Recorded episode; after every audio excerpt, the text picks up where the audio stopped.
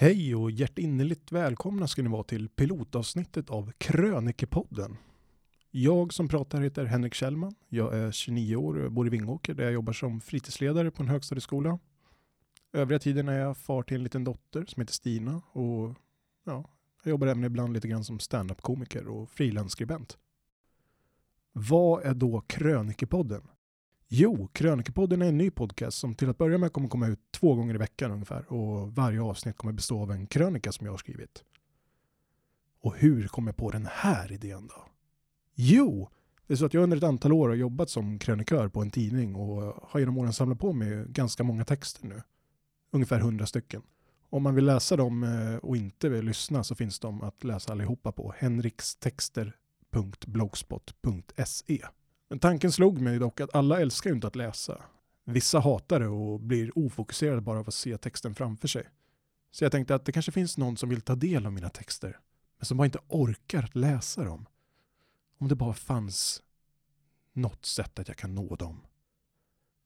Nej, självklart gör jag detta bara för min egen nöjes och bekräftelses skull. Men om det finns någon där ute som blir glad så är det en bonus. Jag kommer att släppa krönikor två gånger i veckan tills de tar slut och när jag skriver nya så kommer jag att peta in dem däremellan. På så vis så har vi åtminstone material för att klara oss till 2020. Sen får vi se. Jag hoppas att ni vill följa med på den här resan. Det, jag är lite nervös och det är lite det är ganska personliga texter många. Jag får se hur de gör sig i tal men jag hoppas att det ska gå bra. Den här första krönikan som jag väljer att lägga in i pilotavsnittet är lite, ja, den är lite av det känsligare slaget faktiskt. Um, det är fars dag idag och uh, ja, ni förstår nog varför jag valde den först. Vill ni komma i kontakt med mig så heter jag Henrik Kallman på Instagram. Ni kan också mejla mig på kontakt henrikkallman.se om ni har några frågor eller synpunkter eller tips eller mordhot eller sånt där. Hoppas att ni ska tycka om det här. Jag är nervös. Skriv gärna och berätta vad ni tycker. Om det är något jag ska fortsätta med eller bara lägga ner direkt. Puss och kram. Och god lyssning.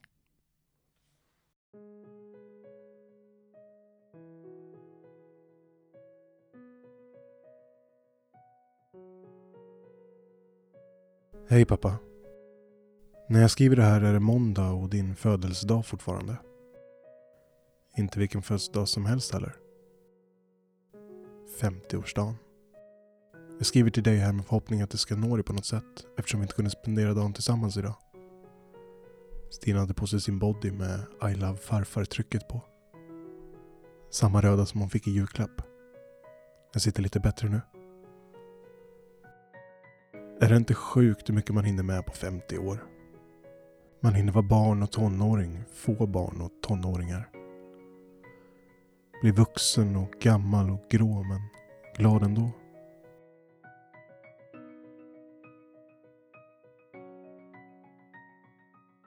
Jag fattar ärligt talat inte hur du orkat med allt. Du har jobbat dygnet runt och ändå varit med på alla fotbollscuper. Du åkte runt halva Sverige med husbilen och ändå renoverat förutom ditt eget hus, dina söners. Det sistnämnda för att dina söner är odugliga, så särskilt mycket val kanske det aldrig fanns för dig.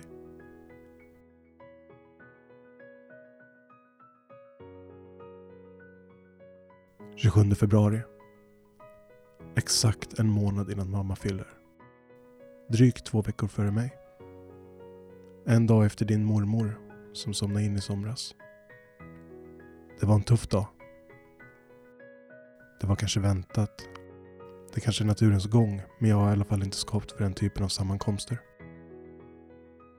När vi var på hemmet tog jag adjö och du frågade mig om jag kände igen henne. Du tyckte att hon såg så annorlunda ut. Så liten och inte alls så där rund och god och glad som hon alltid hade varit. Det var inte så här man skulle minnas henne. Liten. Som ett litet frö. I Elisas mage växte ett annat litet frö. Jag minns inte exakt hur stort pyret var just då. Men någonstans mellan större än en ärta och mindre än en melon. Det var så jäkla omvälvande.